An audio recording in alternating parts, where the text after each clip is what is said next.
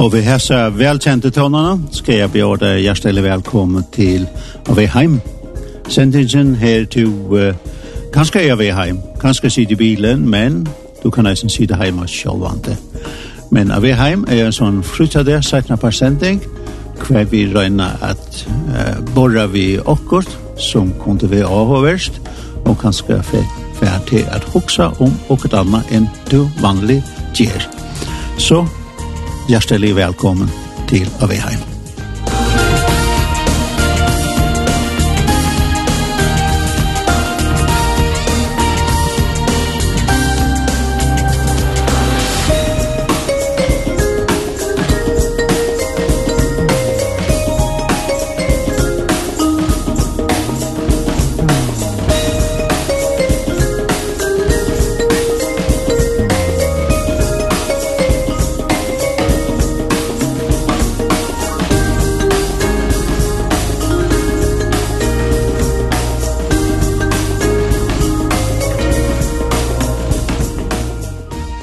For jeg er velsikna vi Nekon Gåen, Sangrøtten og tonleikare. Og derfor nok det ikke vi heter lei som er nå, hever atle at spela fytikon. Det er Kristina Berensen som uh, hever innspalt at lei, som er nok så velkjent. Det er eit You Say, så so let okon lust etter til lei.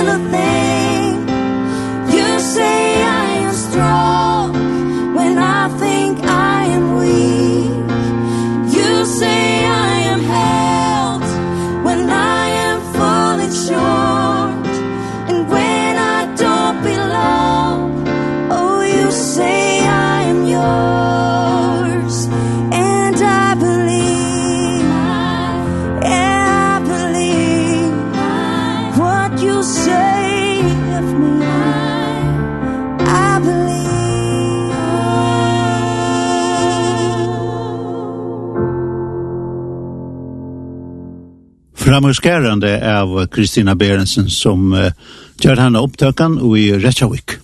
Och uh, vi får att uh, vi gör ämne som kanske är inte så vanligt att ta sig om. Det är uh, ämne som är är av tutsjeboine galtande för okkon och idéer.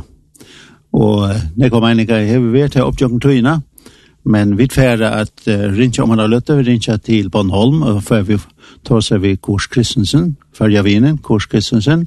Men Arndt her så fær vi till å njuta et gott lea med Sikva Dagsland. Lov Jesu namn och herradom.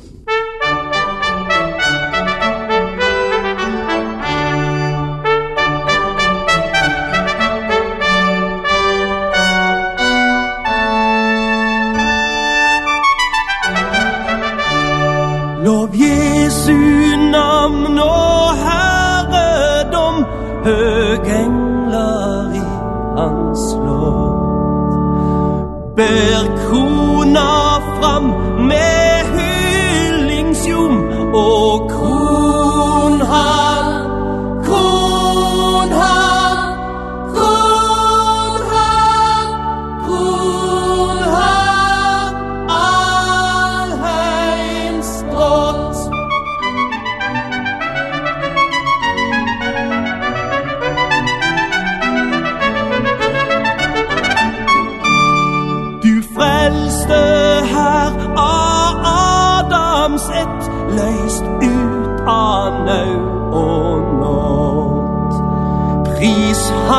som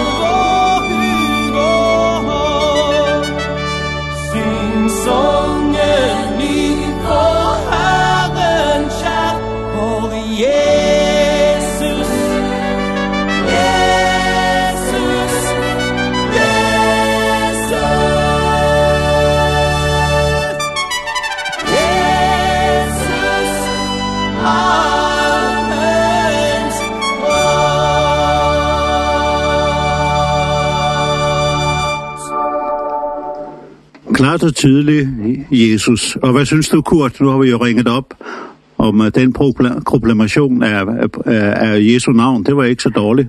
Nej, det var ikke så dårligt. Det, var, det, var, det, det, var, det, var, det var flot jo. Ja. Det, det gik helt ind både i hjernen og hjertet. ja, ja. Og man siger, man føler jo, at man står i et eller andet, som, som man hører hjemme i. Ja. Siger på den måde, ikke? Ja, ja, selvfølgelig. Ja. Altså dagligdagen kan jo godt rive os lidt væk fra den virkelighed, vi faktisk er en del af. Uh, ja, men, ja, men det, det, det drejer sig om at, netop at øve sig i, at den virkelighed, vi har i Kristus, få den ind i hverdagen, ikke? Ja. Faktisk hele tiden, og, i, og i, selv i de små detaljer af hverdagen. Ja, det er jo vel en, vel en, en livskamp. Ja. Og den, den kan variere meget, hvad forhold man er i, og om man så ser Jesus i, i de prøvelser, man muligvis er i. Ja, altså det, det, det er om at se Jesus, og, og øh, og også, øh, jeg tror vi talte om det sidste i, i det med Jesu navn. Øh, at, at bruge Jesu navn i alle forhold, det har faktisk været meget stærkt for mig selv siden og dengang også. Og en, en utrolig myndighed, også mod ondskabens åndemagter, som huserer simpelthen omkring os. Ikke? Og så bare viske det der vidunderlige navn, eller tale det, og så, også tale det med myndighed, der, der ligger altså meget i det. Ikke? Ja, det gør det. Jeg kaster sådan et emne ud og, og har sagt til lytterne, at vi skal snakke om de 10 bud. ja. jeg siger, det virker, det virker lidt fordømmende, ikke? Ja, det, det gør det jo ikke, men jeg, Nej. jeg, kom straks, jeg kom straks til at tænke på sangen. Sangen der, den er ikke spor, øh, den er ikke spor åndelig, men det, det er den her, åh, den vej til Mandalay, hvor de ti bud gælder. ja. ja. så, så der er så et sted. ja. ja, ja. Øh, og så siger, så siger jeg, er de så gældende for os i dag? Øh, ja. Og hvorfor er de egentlig det, eller er de overhovedet gældende for os? Ja. Luther, han havde sin kamp med det. Ja, det havde han alvorlig kamp, altså. Først ja. afskrev han det hele, og så øh, fortrød han, fortrød han det nok lidt. ja, nej, han, han, grund, han grundlagde jo hele den etiske kristendom på, på, de, på de ti bud. Ja. Ja. Uh, I vores dagligdag, når vi møder de ti bud, og, og så folk kan dem jo mange gange udenad, ikke? Ja. Ehm, og det første bud vi møder, det er, du må ikke have andre guder end mig. Ja. Eh. Øh, Og ja, der, jo, men der kommer man til at tænke på Jesus, ikke? Da han, han øh, blev fristet i ørkenen, ikke? Og øh, hvor djævlen siger til ham, øh, det, det, hvis du kaster ned og tilbeder mig, ikke? Ja. så skal du få det alt sammen til. Du, du må kun tilbede Herren din Gud og tjene ham alene. Der har du den, den ene Gud, du må ikke have andre guder. Mm. Du skal tjene Herren din Gud alene. Altså, der er en analog til det skrift, lige med det samme. Ikke? Ja. Og det er faktisk et, et, det er faktisk et vigtigt øh, meget, meget vigtigt, også rent mentalt øh, og etisk og moralsk, det er at sørge for, at man ikke har andre guder. Det vil sige noget andet, man dyrker i sit liv grundlæggende, end den eneste sande Gud. Ja. Himlen og så jorden skaber, ikke? som har givet os et navn og kunne tilbede, det hedder far, Abba far. Ikke? Ja. Altså vi vi ser i i, i altså de konfrontationer i Gamle Testament øh, hvor, hvor man så begynder at tilbede ting, der er guld og sølv og sådan noget, ja. uh, sådan, som vi kan overføre til vores tid i dag og sige uh, marmon, ikke? Uh, hvor, vi, hvor man jo. faktisk tilbeder det. Ja, ja. Og Rigdom. Hele, ja, men hele, den, altså hele Europa, den moderne tid i, i vores del af verden, den er jo fyldt med overgud, man behøver bare at se på reklamerne i tv, ikke? Altså, øh, den er fyldt med afguder, egocentriske øh, ting, og også det, at man også ligesom øh, udråber sig selv til Gud i virkeligheden, uden at sige det. Ikke? Ja. Man, man, man udråber sig selv til, til øh, verdenscentrum. Det er, det er simpelthen, og det er en, det, i virkeligheden er det en... Øh, for mig at se i hvert fald en, en, en satanisk fristelse til, en, til at glide væk fra den levende Gud. Fordi sådan opfører man sig ikke. Hvis man, hvis man har forbindelse med Gud og dyrker Gud og tjener ham alene, så har man altså ingen andre Gud i sit liv. Man sørger i hvert fald hurtigt for at hovedet af dem. Ja. Ja. Um, Hvis vi, hvis vi hopper ned til det næste, så du, du må ikke misbruge uh, Herren, uh, din Guds navn. Og der er jøderne tager det jo så alvorligt, det der bud, at det, det kan jo ikke udtale. Nej, de, ja, nej. Nej, de, nej, de, de, de udtaler det jo ikke. Altså, nej. vi, vi siger ja eller Jehova, ikke? Øh, og det er J-K-W-H, øh, men det er bare skrevet som, og så, og så i stedet for, så blev det til Herren, ikke? Ja. Herren, din Gud. Øh, det tror jeg nu ikke, altså, men det, det er jo, ja, man kan godt respektere den dybe respekt for, mm -hmm. for navnet, ikke? Ja. Øh, og, og mere for os, det er jo de her, også de her bandeord, ikke? Åh, oh, Gud, ikke? Eller, oh my god, og, og, og eller ja. andre ting, øh, også hvor man ligesom, øh, man måner lidt at lave lidt grin med Gud og så videre. Mm. Det tror jeg, man skal være forsigtig, altså, og selvfølgelig også, at du må ikke sværge ved Guds navn, altså, øh, og sådan nogle ting. Ja det er jo et nyt, nyt testamente, altså alle de tilbud gentager sig i det nye testamente ja. øh, på, på flere forskellige måder ikke? I, i Jesu undervisning. Øhm, og så var det jo ikke bare de 10 bud, der var, der var 350 andre bud jo, men øh, ja. ja. Altså, vi ser jo, eller vi, vi i, den, i den amerikanske retssystem, øh, når man skal vidne der, så, så kommer der en bibel op, og så lægger du hånden på Bibelen og siger, jeg sværger. Ja, ja. og tale sandhed. Ja.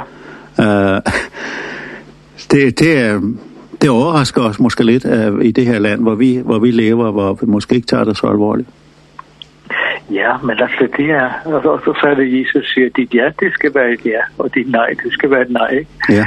Altså, det, så der, der ligger altså, der ligger, der ligger meget i det, og så må vi også sige med det samme, at der er intet menneske, der har holdt de ti bud. Nej det kan simpelthen ikke lade sig gøre. Øh, men det, nu ved jeg ikke, hvor, hvor, hvor, hvor langt du vil hen med spørgsmål, men altså... Nej, det, jeg bor lidt i det, ikke? Ja, For... virkelighed, virkeligheden er jo, at, at de 10 bud er skrevet ind i vores samvittighed, i alle menneskers samvittighed. Altså, de blev skrevet med Guds fingre, skal vi tænke på, øh, på stentavler. Og nu har Gud skrevet sine bud ind i vores hjerter. Faktisk er vi alle sammen født med de ti bud ind i os. Det, det er jo moralske bud, øh, hvor, hvor man faktisk ser nogen, som ikke engang kender Gud eller, eller Jesus, i folkeslag, de, de indrettede sig efter de 10 bud, ja. og har faktisk et godt liv.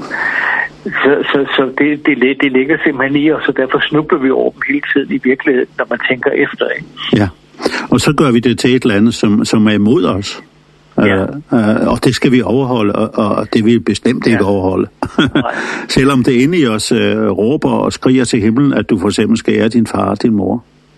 Ja, Altså det er der noget er mere givende i livet end at kunne kigge tilbage.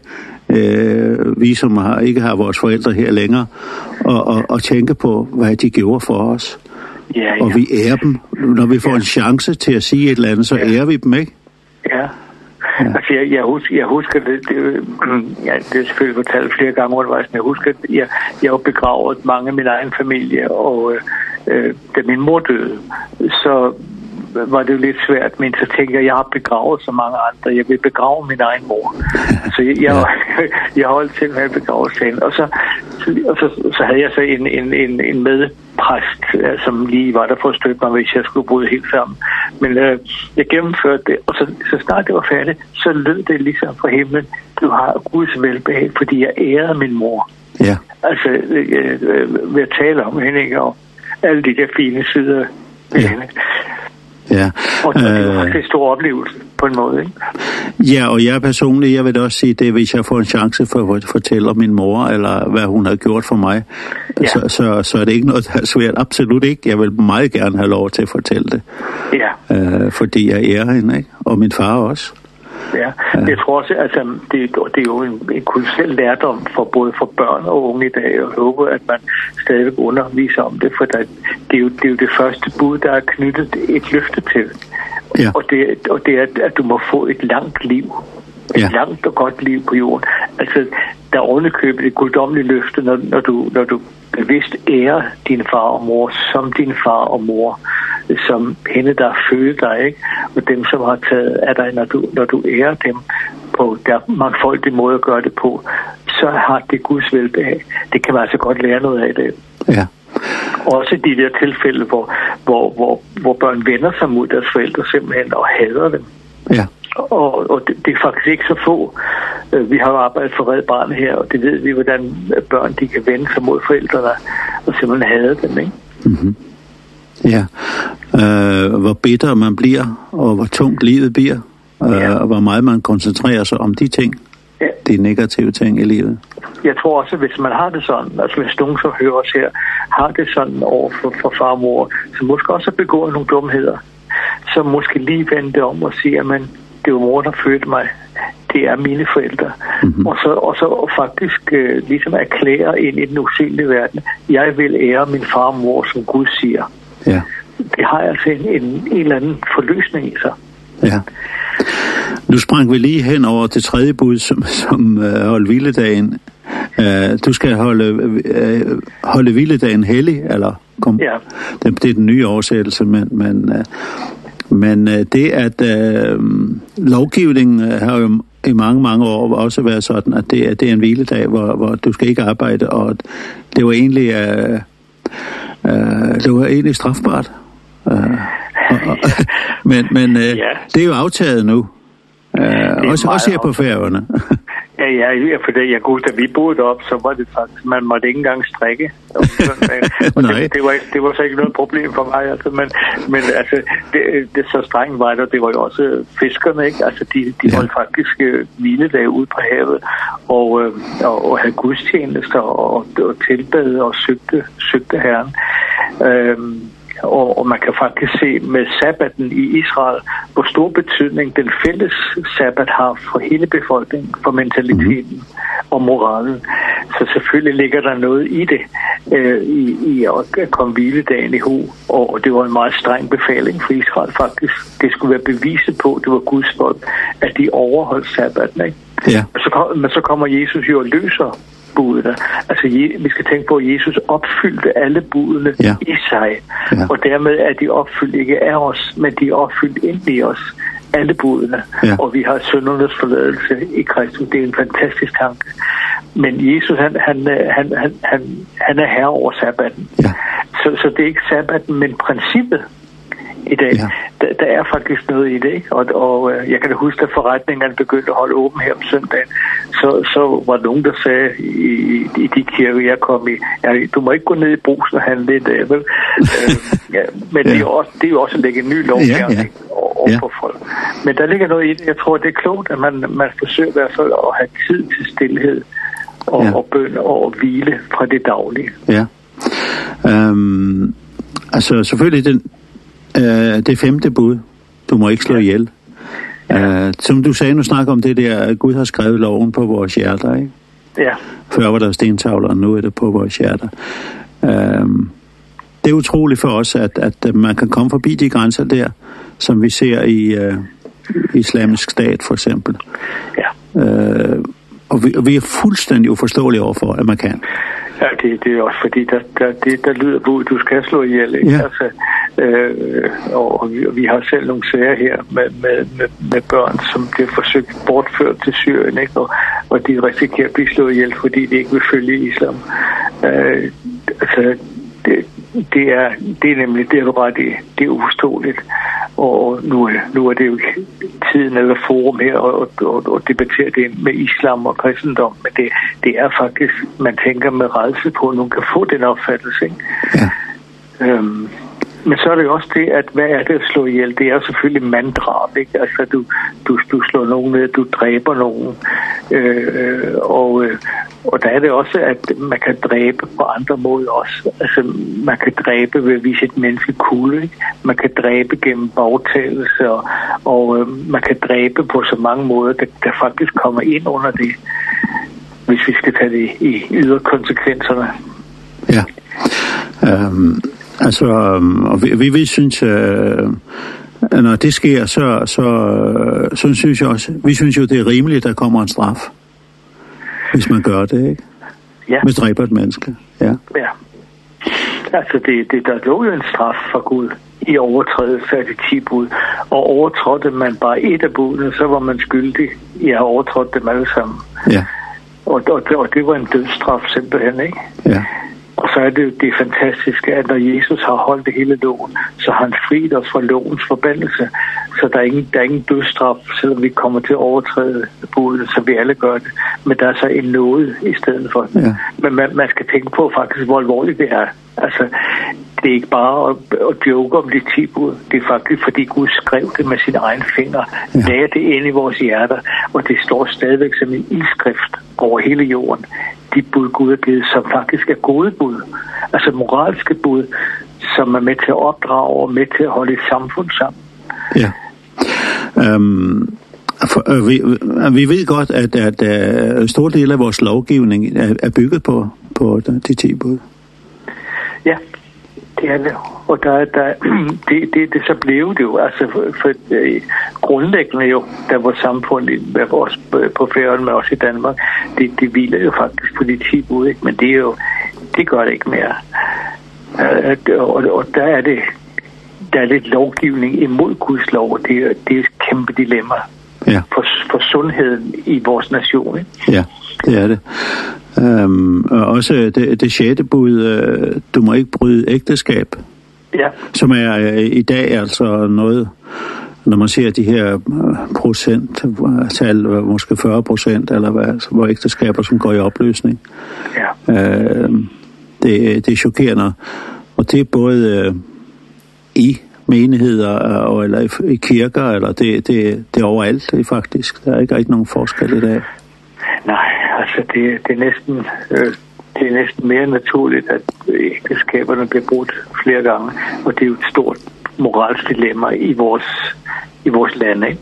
Ja. Det, er, det er det på færøerne selvfølgelig, og det, det smerter meget i det lille samfund, og det gør det også her på Bornholm, hvor vi bor, og i Danmark. ehm og der tror jeg, tror man skal tage op, men, men det, det indeholder jo utrolig mange aspekter det, det indeholder jo hele det, det grundlæggende, altså derfor skal en mand forlade sin far og mor og holde sig til sin hustru, ja. øh, og de skal være et kød, og hvad Gud har sammenføjet, det må et menneske ikke adskille. Øh, og, og Jesus tager jo også det meget alvorligt op med ægteskabet, ikke? Mm -hmm. øh, som, som jo på en måde er, er rystende. Og så, men så har du også, altså hvis, hvis man er indstillet på at tjene Gud og tjene Jesus, det er altså ikke den første løsning at gå fra hinanden, så er den første løsning at sige, Gud, du har indstillet et ægteskab, mm -hmm. hjælp os. Og også selvom den ene part har begået en overtrædelse, jo, man kan også sige, at, at øh, øh, måske overgå en alvorlig over, overtrædelse øh, med hår eller andre ting, så skal man ikke bare lige korte det af med det samme, men så gå frem for Gud og få syndernes forladelse, mm. og så kan der blive genoprettet i ægteskaberne. Det kunne ja. jeg altså godt tænke mig. Ja. Øh, meget mere, ikke? Altså i gamle dage, når jeg var meget aktiv præst i København, så kom jo folk, og, og, og det, det var lovgivningen, der sagde, at de skulle søge hjælp hos en præst, ikke? Ja og, og, og, og, og sidde med to parter der. Det var både smerteligt, men også, og nogen forstod det ikke og holdt sammen og, og var taknemmelig for, at der var nogen, der hjalp dem. Ja, ja, det er en ulykke med de skilsmisser. Det er en ulykke for børnene først og fremmest, ikke? Ja. Nå, ja. Det hvem betaler prisen, altså. ja, ja. det er jo ikke bare ja. dem, der, nej. der skal betale prisen, som nu finder ud af, nu skal vi nej, det her. Nej, nej, vi ved det jo, Preben, og ja. det, det ved alle, også hvor smerteligt det er i familien, ikke? Når, når, når de ting sker. Men, men der har du, det, det er fordi gudløsheden og sekulariseringen, øh, og jeg vil næsten sige, de dæmoniske magter, som jo virkelig er der i himmelrådet, de angriber jo Guds forordninger på alle mulige måder, på snedige måder, for at ødelægge det, Gud har sammenføjet, og, og ødelægge Guds lov. Der er altså en modstander, der er, der er en fjende af Gud, ikke? Som, som opererer i vores verden. Og, og, og og det er også, nogle gange må vi altså lige få øje på det. Hvad er det, og hvordan skal vi angribe det der i virkeligheden, ikke? Og, og der er det ikke bare nogle søde ord, men der, der er det også en myndighed der. Sige, gå din vej djævel. ikke? Gå din vej fra vores ægteskab. Ja. Gå din vej fra vores familie. Vi vil holde sammen til døden og skiller. Mm. Uanset om der har været nogle fejltagelser, ikke? Og vi må heller ikke glemme... Så, ved jeg også, jeg ved ja. også godt, for det skal vi også med, der er jo nogle ulykkelige situationer, hvor jeg også selv har måttet sige, det her, det går altså ikke. I kan ikke leve som hund og kat, men, men prøve at bruge hver for sig, og så se, og lade det gå et stykke tid, og sådan nogle ting. Der er en hel masse sjælsørgiske ting i det, og, og der er ingen, der skal føle sig fordømt eller hængt ud her. For det kan, det kan være sådan nogle gange, det ja. kan ikke gå simpelthen, ikke? Ja. Øhm, Jesus går så langt, at han øh, også har paralleller mellem sig selv og, og som brud og, og Guds rige og, og så et ægteskab. Ja, det er det jo, ja. ja. Vi er trologet med Kristus, står der, ikke? og han kommer for at hente sin brud og alle de her ting, så det har et dybt åndeligt sammenhæng jo. Ja. Men, men jeg tror, vi skal have det der med, Preben, at faktisk er jo hele, hele loven er jo, er jo virkelig en opfyldt i et bud. Altså, jeg kan bare citere her, hvad, hvad ikke nogen andet skyldig end at elske hinanden. Ja. For den, der elsker andre, har opfyldt loven. Ja. Og budene, du må ikke bryde et ægteskab, du må ikke begå drab, du må ikke stjæle, du må ikke begære, og hvilket som helst andet bud sammenfattes jo i ja. dette bud du skal elske din næste som dig selv. Ja. Og kær kærligheden gør ikke næsten noget lån. Så kærligheden er, lo er låns fylde simpelthen, ikke? Ja. Og, um. og, men det hele, hele Matteus evangeliet sammenfatter ja. de ti bud. Øh, og også bjergprædiken, som jo er, er det nye bud. Og så er det igen det, at det er simpelthen nødvendigt at få Helligånden ind i sig, fordi så opfyldes budet, det vil sige Helligånden Helligånden tilsidesætter jo ikke Guds bud, de er hellige, men Helligånden tager det og hjælper os til at overholde disse bud. Mm -hmm. Ja. Ja, Jesus siger i bjergprædiken der i Matteus 5, der siger han, tro ikke, jeg kommer for at nedbryde loven eller profeterne. Nej, jeg kommer for at opfylde den, ja. ja. ja. Jeg kommer for at opfylde den. ja, ja. Det, kan jo, det kan virke helt underligt, ikke? jo, jo, men det er faktisk fantastisk. Ja, det, det er simpelthen fantastisk, fordi det betyder, at du og jeg, vi har opfyldt loven, fordi Kristus er i os. Selvom, selvom vi, vi overtræder, så har vi opfyldt loven i os, for vi har selve ham, der har opfyldt loven, han bor med troen i vores hjerte. Ja. Det, det, det er simpelthen en fantastisk tanke. Ja. Ja, sandelig siger jeg, øh, før himmel og jord forgår, skal ikke det mindste bogstav, nej, nej, eller hver eneste tødel, foregå af loven. nej, nej, altså Jesus, Jesus ophøjer loven. Ja. Øh, Og så også hele den forklaring, vi har i kalenderbrevet, ja. at loven det er en tugtemester til Kristus. Ikke? Altså, vi bliver overbevist om synd, øh, også fordi vi overtræder loven. Øh, vi overtræder det, at du må ikke lyve, du må ikke stjæle og alle de her ting. Vi overtræder vi jo alle sammen i, ja. i forskellige nuancer. Så, og, og, og den, den dårlige samvittighed, den driver os til Kristus og syndernes forladelse. Og så er det, at vi bliver frelst, som man siger. Ikke? Altså, vi bliver renset ved Jesu blod, når vi bekender vores synder. Så renser grænsevis på os på sømning. Ja. Det, det, der har du hele, det her, den her nåde, der hviler over menneskeslægten. Ja. Det, kan, det kan vi ikke leve uden. Fordi så, så må vi få tabt alle sammen simpelthen. Ja. Når, når, vi, når man er vidne i retten, det gør, jeg gør jeg en gang imellem, så skal man vidne om noget. Så, så får man at vide, at man skal fortælle hele sandheden og kun sandheden. Og ikke andet end sandheden. ja. Ja. Og ikke have falsk vidnesbyrd om noget. Nej. Og, og jeg, jeg kan huske, at jeg, da jeg begyndte på det, som jeg en gang med dem gør sådan noget der, så siger, han, så siger vennen Safri, hvad skal jeg gøre? Altså, det kan jo være, at hukommelsen svigter lidt en gang med dem. Så ja. siger hun, så skal du bare sige, nej, det kan jeg ikke huske. ja, lige præcis, ja. ja. Det er også en, en, en, det er også en lærdom, som at sandheden skal ikke modificeres. Ja. Men øh, fordi sandheden frigør ja. på alle områder. Ikke? Og, og det er lidt klogt, det er at fortælle det hele. Det var også rent sjælesorgisk. Så er det klogt at gå til en sjælesorg og fortælle det hele. Ja. U usminket, ja. hvordan det er. Det, det har altså en frigørelse og en, en forsoning i sig. Ja. Um, er Jesus der i... Um, han, han fortsætter og når jeg tænker, at de der... Nu løber lidt i det. Det er der hop fra, fra Edens til loven til Jesus. Ja. ja. Det er jo også meget interessant. Jamen det er det da. Altså det, når man tænker på det, altså, hvor alvorligt det er, og så ikke bare det bud, men alle budene og Guds krav og Guds lov på menneskeheden, og den forbandelse, altså lovens forbandelse simpelthen, ikke? Fordi ikke, kødet, altså loven er god nok, men det er mennesket, der, der simpelthen er i synd, og ikke kan gribe Guds lov. Ja. Loven er fantastisk, og sådan, derfor må vi ikke, derfor må vi ikke til, til det gamle testamentet væk, og Guds lov tværtimod, så skal vi se det og, og spejle det i det nye testamente, så får vi en stor rigdom ud af det. Ikke? Ja. Øhm, og det, det er jo også derfor frelsen i Kristus er så stor, fordi den har løst os på den lov.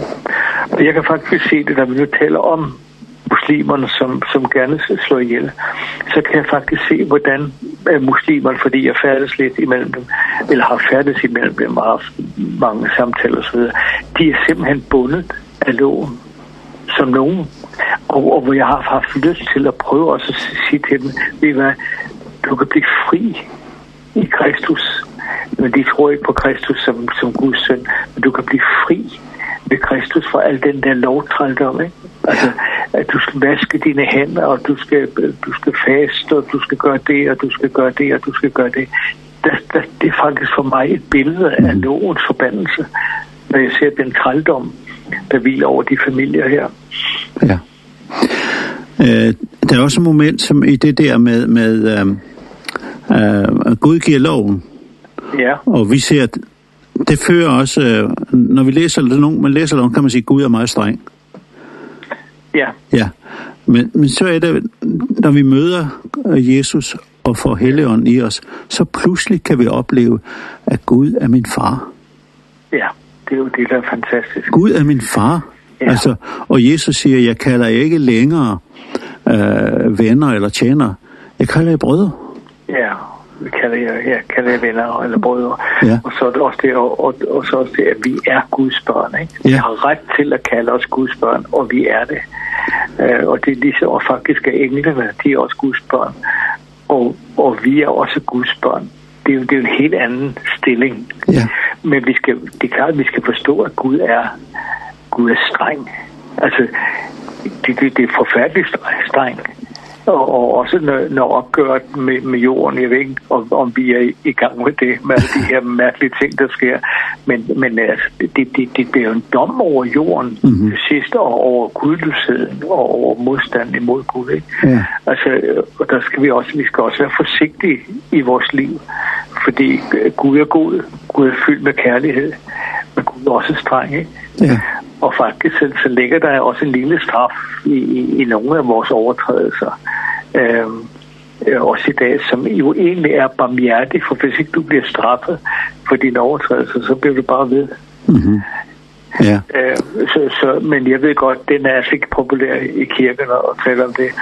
Men, uh, se, men det romerød siger, så se der Guds strenghed, og så se der Guds godhed. Ja. Altså, det er begge dele, ikke? Ja. Jeg mødte en kvinde øh, for ikke længe siden, hun sagde, hun kom og sagde til mig, ved du hvad, jeg tror, mit liv var forandret. Jeg pludselig opdagede, at jeg er Gud, og også min far. Ja. Og det har jeg aldrig set før. Nej.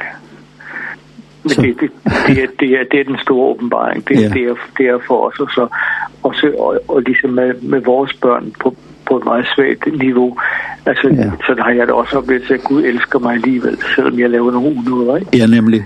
Ja. Og selvom jeg går igennem på øh, nogle store strabasser ja. og, og, ja. og måske sygdomme ja. og det ene andet, ja. Ja. så er han altså ikke ude på at straffe mig.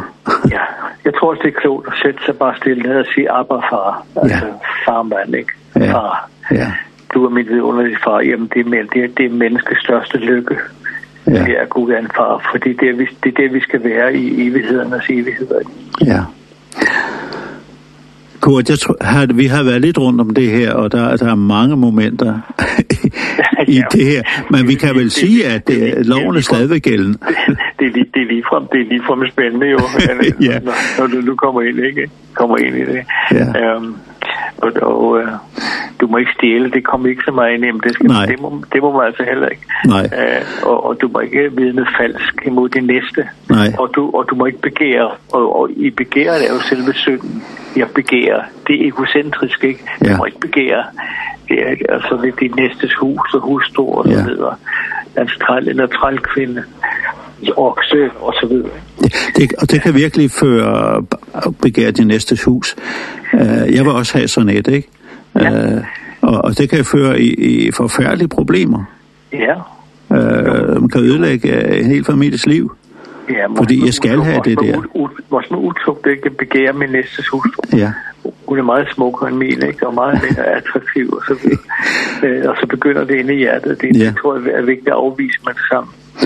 Så man som en sagde, græsset er altid grønnere hos naboen, men altså, ja, det passer ja, det, jo ikke. det passer ikke, nej. nej.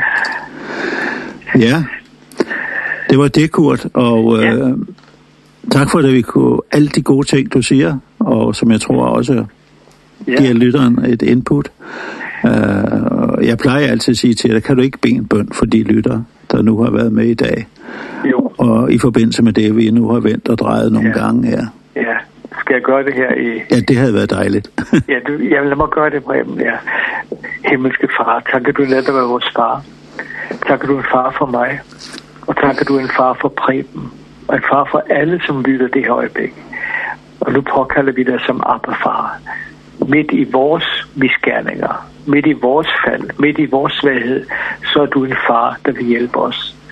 Og himmelske far, vi tænker på de bud og de love, du har givet og det vil vi rette os efter. Vi vil ikke afvise dem eller bortforklare dem, men vi vil anerkende dine love Og så tak for det hele blev opfyldt i Kristus, og Helligånden langsomt opfylder det i os, i vores vandring med Kristus. Der beder faderen din velsignelse over færøerne, og jeg beder også fader for de to, der er smittet med coronavirus, det at det ikke må brede sig på færgerne. Vi beder om beskyttelse over det færøske folk, og det vi har bedt så mange gange, at vækkelsens ild, det må fange mm. hele folket. Velsign linden og alt det gode, der kommer ud der. Amen. Amen. Amen. Martin Zachariasen kan du selvfølgelig huske mere ja. end det. ja.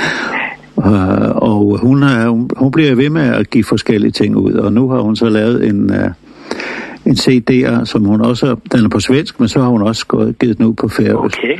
Og der ja. har hun en, en, uh, en sang der, som hun kalder God du er fær du er min færge. God, du er min far. Ja. Så den synes jeg, der har været helt passende at slutte af med det var hunderligt. det er fint, Preben. Ja, tak skal du have. Vi må gå ind der. Ja, hej. Ja, hej. Hej, hej.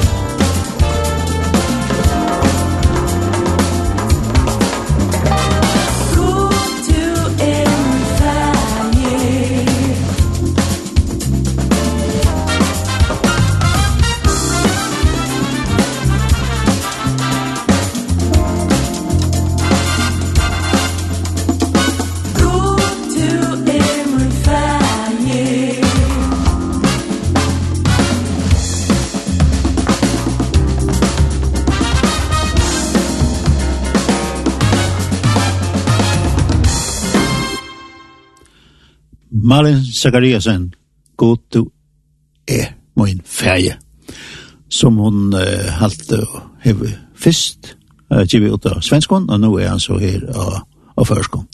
Og vi tette et godt prat vi Kurs Kristensen, og vi tar seg om etter du ikke bor i galtan, for jeg kunne det. Og nystøven, ja, han kan selv teka, om to helter, om uh, det er en parst av din løvstøyl, at livet etter dette her, som han sier, skriva uh, i okkar gjørste fisk og tegn steintalvun, men nu skriva gjørste okkara. Uh, og i okkar litt det, at uh, komme nære til Jesus og leta, leta heile andan ver okkar velaja. Han minner av uh, og velaja og gjeva velajeng og han rattleie og alle skåtingene som vi ofte kanskje ikke damer så vel, men uh, på lang sikt uh, er helt utrolig godt.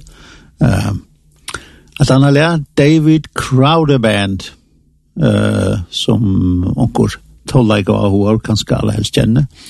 How han, de har et lærer her som heter How He Loves, og det er så, sjå han god.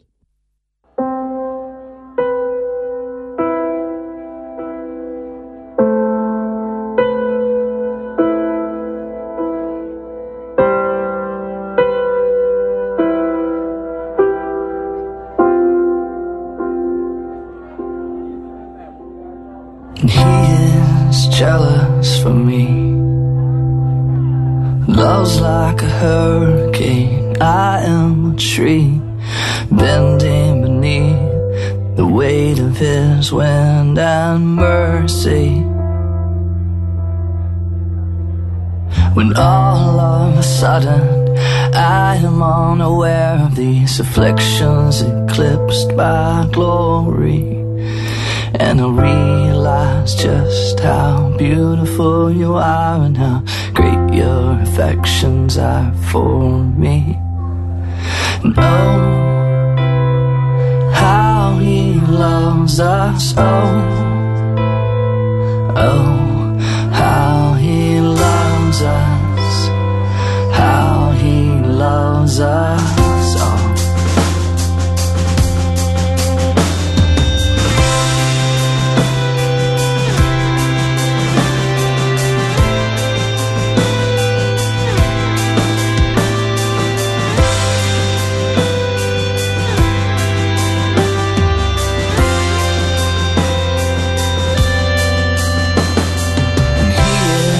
jealous for me. Love's like a hurricane. I am a tree Bending beneath The weight of his wind and mercy. When all of a sudden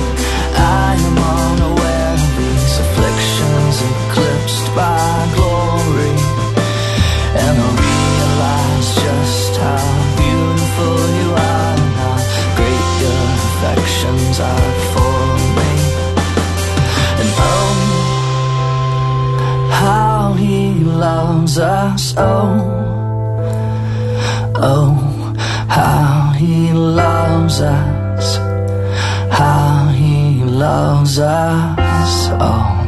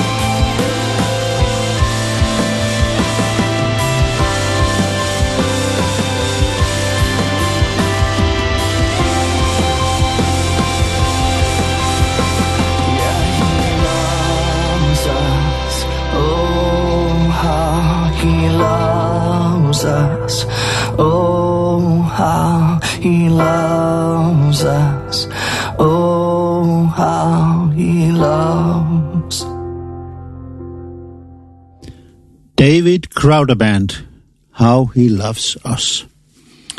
Ja, sentisen er om å komme norskat endan, og vi tver enda vi at førskle. To er sljøse tja mer, og til Eifin Nilsen og Magne Kristiansen. Så jeg sier takk for meg, og det var så interessant sånn det er med landa, klokkan tror jeg.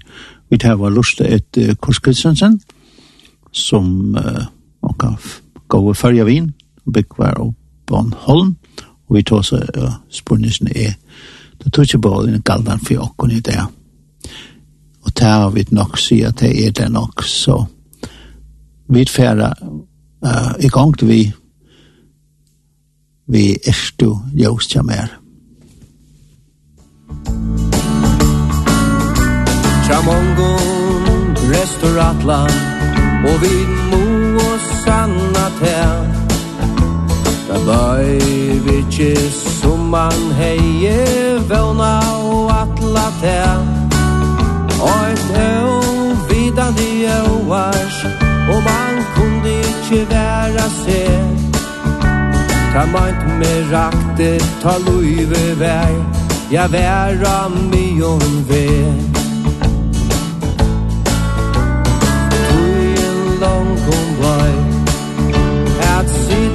aløyna her.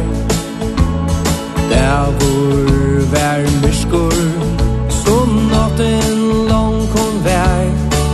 Der var mysk Ongen glede Jeg glede møyra vær. Ta kom og ljøs til møyn Og ta luste fire mer Du erst jøn sitja mer Som fekk meg til at blomstra her. Du er ikke jo sitja mer Ta i alt mot følna vær. Ta i loiv i verstega Og du torska i mine tar Du fekk meg at liva Som om det alt du vær var.